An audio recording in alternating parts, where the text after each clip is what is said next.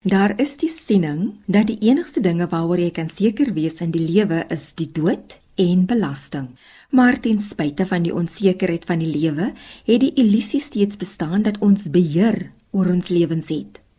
Maar COVID-19 het hierdie illusie aan flarde geskeur of jy nou welvarend is en of jy arm is, al daai persone is ewe kwesbaar vir die virus en letterlik kan 'n fatale dood in die gesig staar. Dis nie 'n kwessie van jy raak net siek en jy word bietjie geaffekteer oor die korttermyn, dis letterlik lewensverlies wat daarmee gepaard gaan. Ek is Olivia Sambo en jy luister na Rand en Sent op RSG 100 tot 104 FM. Baie welkom. Onsekerheid beroof jou van die vermoë om te beplan en weerhou jou daarvan om belangrike besluite te neem of dit kan daartoe lei dat jy die verkeerde besluite neem. Rika Snell, geakkrediteerde finansiële adviseur by PSG Wealth, sê met die uitbreek van COVID-19 was onsekerheid die oorheersende gevoel by ons almal. Olivia, ek dink die onsekerheid was enorm. Ek self het dit baie intens ervaar. Uh ons is tot 'n groot mate besigheidsvennote met PSG ensovoorts. Ons bestuur ons eie praktyke. So vir besigheidseienaars was dit 'n enorme, jy weet, onsekere tyd vir mense wat inkomste verdien in terme van gesalieerde persone of persone wat salarisse verdien. Daai inkomste sekerheid was op die spel om nie eers te praat van mense se se persoonlike gesondheidsonsekerheid nie. Jy weet vir die eerste keer is hier 'n virus wat of jy nou welvarend is en of jy arm is, al daai persone is ewe kwesbaar vir die virus en letterlik kan 'n fatale dood in die gesig staar. Dis nie 'n kwessie van jy raak net siek en jy word bietjie geaffekteer oor die korttermyn nie, is letterlik lewensverlies wat daarmee gepaard gaan. Ek dink voordat COVID uh, hier aangekom het, was ons ekonomie wankelrig. Jy weet ons het destyds al gepraat van werkloosheid vlakke wat totaal en al buite orde is. Misdaad en werkloosheid gaan hand aan hand. Ek dink tot 'n groot mate 'n klomp mense het, jy weet, dit letterlik 'n situasie van anargie verwag uh die land se finansies, ons is afgegradeer net kort voor Covid. So uh begrotingstekorte, skuld tot BBP vlakke is op rekordvlakke ensovoorts. So ek dink hierdie hele konkoksie van eintlik onsekerheid wat ons reeds gehad het voor Covid met hierdie toestand wat dan en die beelde wat ons gesien het van Oorsee was net absoluut enorm. Jy weet, ek dink iemand wat emosioneel nie regtig geroer is in tydens Covid nie is is net totaal al afgeskakel. Ek dink nie dit was regtig moontlik om emosioneel onaangeraak te wees nie. Ek verwag dat mense wat nie deur adviseurs bygestaan is nie enorme intense emosies ervaar het rondom wat hulle moet doen uh, met hulle persoonlike finansies en beleggings. Ek dit dit moet enorm wees. Die enigste rede hoekom ons of hoekom ek toegerus gevoel het, is omdat ek al deur vorige krisisse gesien het wat markte doen. Ons het verwag dat markte dit gaan doen wat hulle gedoen het. Die herstel bygesê was baie baie vinniger as wat ons verwag het. Ons het eintlik dit erger verwag as wat dit éventueel uitgespeel het. En die enigste rede hoekom ons uh, in 'n posisie was om vir mense leiding te kon gee om te sê is om perspektief te verskaf om te sê hoorie maar dit is nie die eerste wêreldkrisis nie, dit is miskien een van die grootste gesondheidskrisisse wêreldwyd, maar is definitief nie die enigste ekonomiese krisis wat markte al onsekerheid gegee het nie en die regte ding om te doen is om by jou langtermyn beleggingsplan te bly. Selfs vir adviseurs was dit uitdagend en die enigste rede hoekom jy toegerus was daarvoor is as gevolg van ervaring oor tyd. Onsekerheid het ook gepaard gegaan met vrees en gierigheid by beleggers. Uh, alhoewel gierigheid is eintlik maar ook 'n vorm van vrees in my kop en dit is uh, die vrees om uit te verloor op opbrengs of op wins en dis 'n baie algemene emosie wat eintlik almal van ons ervaar tot 'n sekere mate. Maar uh die vrees wanneer dinge onseker is natuurlik om iets te wil doen en spesifiek in tye van onsekerheid. Dis 'n onnatuurlike ding wanneer iemand 'n vrees het vir iets of skok ervaar of pyn ervaar om niks te wil doen nie in die natuurlike orde as jy niks doen wanneer daar gevaar is en jy geen optrede demonstreer nie gewoonlik word jy of beseer of jy jy staar dalk self sterfte in die gesig. So dis heeltemal teen ons natuurlike orde om niks te wil doen as jy hierdie vrese ervaar en ek dink dit is hoekom belegging en langtermyn beleggingssukses regtig 'n kuns is vir mense wat hulle moet aanleer. Vrees kan jou duur te staan kom as jy nie weet hoe om dit te hanteer as belegger nie. En jou emosies kan daartoe lei dat jy besluite neem wat jou opbrengste grootliks kan verminder. Aan die adviseurskant wat ons basies sien is ons sien daaglikse gevalle studies van dit van vrese en hoe vrese oor tyd uitspeel en hoe mense as gevolg van vrees sekere besluite neem en hoe daai besluite oor 'n langer termyn uitspeel. So ek wil maar net sê elke gevalle studie wat ons sien, leer eintlik die adviseur ook oor wat is die gunstige optrede en wat loon 'n belegger die beste om in tye van vrees te doen. Jy weet PSG het 'n het 'n gevalle studie gedoen tot op einde Maart van iemand wat in die aandele plaaslike aandele beurs belê was voor die krisis van COVID wat deur die markdaling is en tot en met einde Maart hierdie jaar se belegging het, het om en by 20% gestyg. Iemand wat in die krisis geld onttrek het en dit buiteland toe geneem het, sy belegging is 20% laer as wat dit was voor die krisis. En iemand wat in tye van die krisis, daar waar die pyn en die onsekerheid op sy ergste was, geld onttrek het en in kontant geplaas het, is om en by 30% laer af en 30% verliese gelei van pre-COVID uh, vlakke. So dis baie duidelik dat wanneer jy dit wel reg kry om jou emosies te beheer en jou voorbereiding is voor die tyd getref, jy verstaan presies waar waarna jy belê, uh, jy's gemaklik met daai risiko's en met die eienskappe van daai belegging. Dis dit baie duidelik uh, dat daar's eintlik geen ander manier as om niks te doen tydens so vrees en en paniek nie as jy 'n uh, positiewe uitkomste wil hê. Maar wat is die implikasies vir jou as jou opbrengste met 'n paar persent daal? En hoe raak dit jou finansiële welvaart? Ek wil amper weer sê Olivia, dit gaan nie eers 20% kan 5% wees om vir iemand te wys wat is die implikasie van 'n 5% daling wat nie herstel nie. So met ander woorde, onthou nou wat jy hier mee sit, jy het 'n aktiewe keuse uitgeoefen om 5% prys te gee of 20% prys te gee in die geval maar ek sê in, in selfs in 'n geval waar jy kies om 5% of 10% prys te gee om jou emosies eintlik te sis oor 'n 10 of 'n 15 of 'n 20 en 'n 30 jaar tydperk raak daai persentasie wat jy prys gee eksponensieel groot. En ek bedoel dit is absoluut deurslaggewend oor hoe groot die verskil raak oor hoe langer die tydperk. Dit is letterlik 'n geval van besluite soos daai wat jy neem jy sal dit nooit inhaal nie. Die prys van hoe langer jy leef, die prys wat jy betaal, is nie die 5 of die 10 of die 20% wat jy opgegee het aanvanklik nie. Dit is wat dit is oor die tydperk van hoe lank jy leef.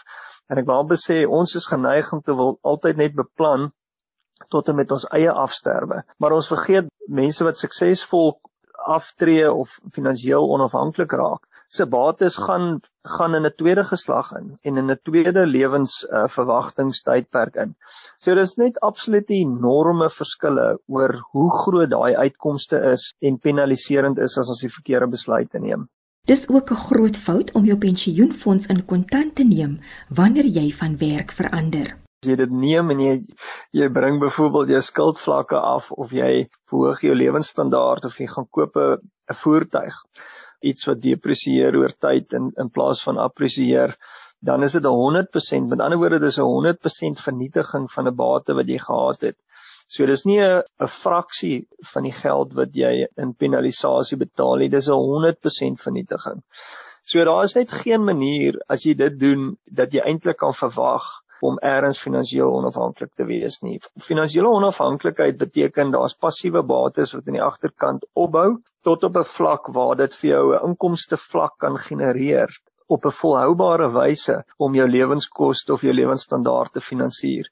En daar's geen manier as jy hierdie bates, jy weet, periodiek insluk dat jy finansiële onafhanklikheid sal bereik nie. So gesels Rieke Snell van PSG Wealth. Ian Scott is die hoof van vaste rentedraande instrumente by Momentum Beleggings. Hy glo ten spyte van die onsekerheid wat COVID-19 teweeggebring het, het dit ook daartoe gelei dat baie dinge op 'n ander manier aangepak moes word.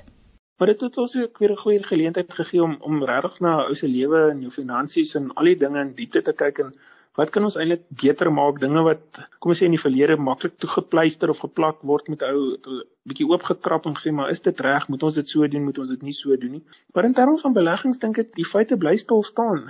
Jy weet ou moet maar besluit vir watter termyn wil jy belê hoeveel risiko wil jy vat gaan praat met die regte adviseur en kry 'n goeie gebalanseerde portefeulje wat blootstelling het aan verskillende bateklasse jy weet aandele effekte eiendom 'n bietjie kontant en natuurlik dan nou oorsee wat ook al daai oorsee se komponent is. So ek dink ou moenie net sê net aandele of net effekte gaan goed doen en ek sit al my geld daarin nie. Ek dink die die waarheid bly staan. Ek ek moet eintlik 'n bietjie van alles sê. Ek moet 'n bietjie al hierdie beleggingsopsies moet ek 'n bietjie in my mandjie sit sodat ek nie al my risiko in een mark in een plek op enige gegee stadium het nie.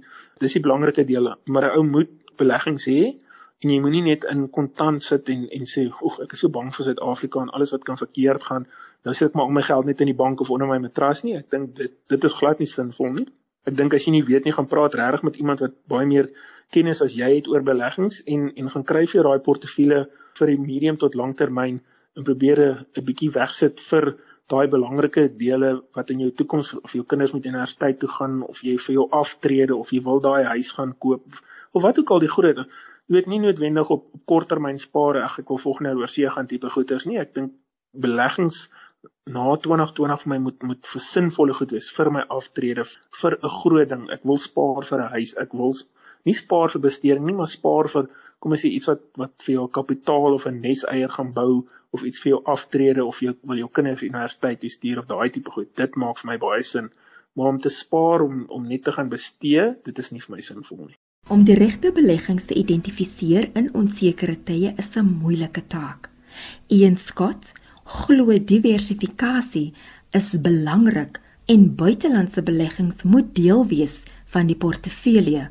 Vir my gaan beleggings oor waardasie. Enige goeie langtermyn beleggingsportefeulje moet 'n sekere hoeveelheid oorseese of buitelandse beleggings hê. Dit is baie waar. Hoeveel dit is, is 'n saak van debat. Maar ek dink wat vir my belangrik is op hierdie stadium is om na die waardasie te kyk. Nou die waardasies in oorseese markte is my verskriklik duur. Nou onthou, die grootste risiko in markte is om oor te betaal vir instrumente om 'n baie duur prys vir 'n instrument of wat nou 'n aandeel of 'n effek of wat 'n eiendom is te veel te gaan betaal. 'n Mens moenie R20 vir 'n R10 item gaan betaal nie. Dis waar die risiko in markte gebeur want as die mark val, en jou uh, R20 instrument gaan terug na R10 toe, dan het jy 'n probleem. Maar jy weet as jy R8 vir hom betaal het en hy val van 20 af na 10 toe, dan voel jy nie so onderdruk nie. So dis nou maar net in 'n hoe kan ek in 'n nutshell wat dit eintlik beteken. Nou as ek nou oor see se beleggings gaan kyk, dan is al daai markte verskriklik verskriklik duur oor dat hulle skalaar rentekoerse het want ons weet die sentrale banke in ontwikkelde markte het rentekoerse letterlik na amper 0 toe gesny en in Europa selfs na minus toe. En hulle aandelemarkte het verskriklik hard gehardloop. So die waardasie van aandele is baie duur. Hulle eiendomme is baie duur en die rentekoerse is is letterlik amper 0. So as ek nou oor see se beleggings kyk is die probleem wat ek het op hierdie stadium is waar vind 'n mens waarde in oorsee se beleggings? En dit is iets wat ons natuurlik op 'n op 'n gereelde grondslag in ons eie span debatteer want dit is 'n probleem waar vind 'n mens geleentheid in alle markte wat so duur is. Wat is jou opsies as ontwikkelende lande se aandele te duur is? Kom ons kyk na ontleikende markte en ons kyk na Suid-Afrika. Nou, ons dink daar's baie meer geleenthede in ontleikende markte en spesifiek in Suid-Afrika. Ons dink dat Suid-Afrikaanse instrumente is eintlik baie goed geprys in terme van oorseese instrumente. So ons dink ons ons aandele lyk aantreklik. Hulle is baie goed geprys, nie naaste by so duur soos buitelandse aandele nie. Ons dink ons staatseffekte is is baie baie goed geprys teenoor buitelandse effekte. So kom ons sê dit in nommers, jy weet die die Duitse 10 jaar koers, nê? Daai Duitse 10 jaar koers, die riding sit seker omtrent op op minus 'n half persent. Die die Amerikaanse koers kom ons sê op 1.5%. Nou ons 10 jaar effek sit uh, omtrent op 9%. So jy weet daar's 'n groot marge. As ons kyk na ons eie aandelebeurs, lyk dit baie meer aantreklik as ons na die die prys-verdienste verhoudings en die uh, verdienste wat uit die maatskappye uitkom nou kyk, dan lyk dit vir ons baie aantreklik. Ons sien dat die gelyste eiendomsmark wat verlede jaar weet groot onder druk was en en omtrent 50% van hul waarde verloor het, lyk nou baie aantreklik. Ons sien nou dat die beter tipe eiendomsmaatskappye is weer besig om um, distribusies uit te betaal. So dis 'n goeie ding vir beleggers. So, ons dink daar's weer geleenthede in daai mark ook. Nie alle eiendomsmaatskappye lyk aantreklik nie, maar ons dink daar's 'n paar wat baie aantreklik lyk. Ons dink daar's aandele wat baie aantreklik lyk. Ek dink die geleentheid is juis om in Suid-Afrika te belê want kyk, dis altyd baie maklik om die nuus te lees of die WhatsApp te lees of jou Twitter te lees en te dink, jy weet, Suid-Afrika is net een pad reguit onder toe na Zimbabwe toe en ons weet dit is nie dit is nie waar nie.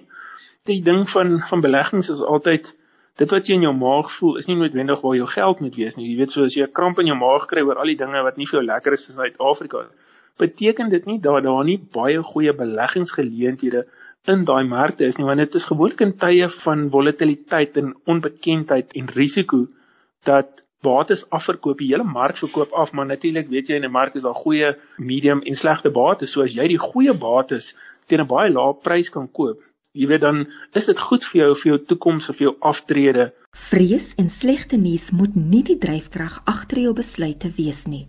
Dit is baie moeilik om vir mense te sê dat hulle lees dit of dat van die politiek of van Eskom of van wat ook al en dan sê hulle vat net my geld uit Suid-Afrika uit. Maar is dit die waarheid? Ek sê ook vir mense jy moet baie mooi dink dat dit help nie jy is aan 'n Suid-Afrikaanse inflasiekoers gekoppel nie. Nou onthou ons het randinflasie so verlede week het ons gesien inflasie is omtrent 4.5% en ons dink hierdie jaar gaan inflasie omtrent 4.5% wees en dit help nie jy moet 4.5% probeer wen in Suid-Afrika met jou beleggings, maar jy het jou geld oor see in die buiteland gesit en daar is die inflasiekoers 2 nie. Jy boer agteruit. Behalwe as die rand nou natuurlik baie verswak, maar nou het ons so 'n sterk rand. Ou moet maar altyd pas op vir die rand. Hy hy word nie net swak en hy word sterker soos ons nou natuurlik al hierdie jaar gesien het. So as jy in die buiteland belê, en kom ons sê die rand is nou 13.80 en hy gaan eweskielik 12.80 toe, dan gaan jy groot kapitaalverliese maak.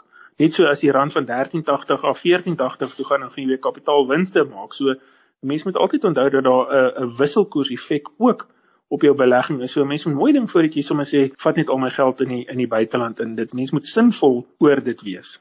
Die meeste van ons het hulle fliek gesien waar die held 'n paar duisend dollars op die aandelemark belê en oornag skatryk word, wat hom dan in staat stel om eers op 'n eksotiese tropiese eiland te gaan bly en sy sakke vol rykdom vir die res van sy lewe te geniet.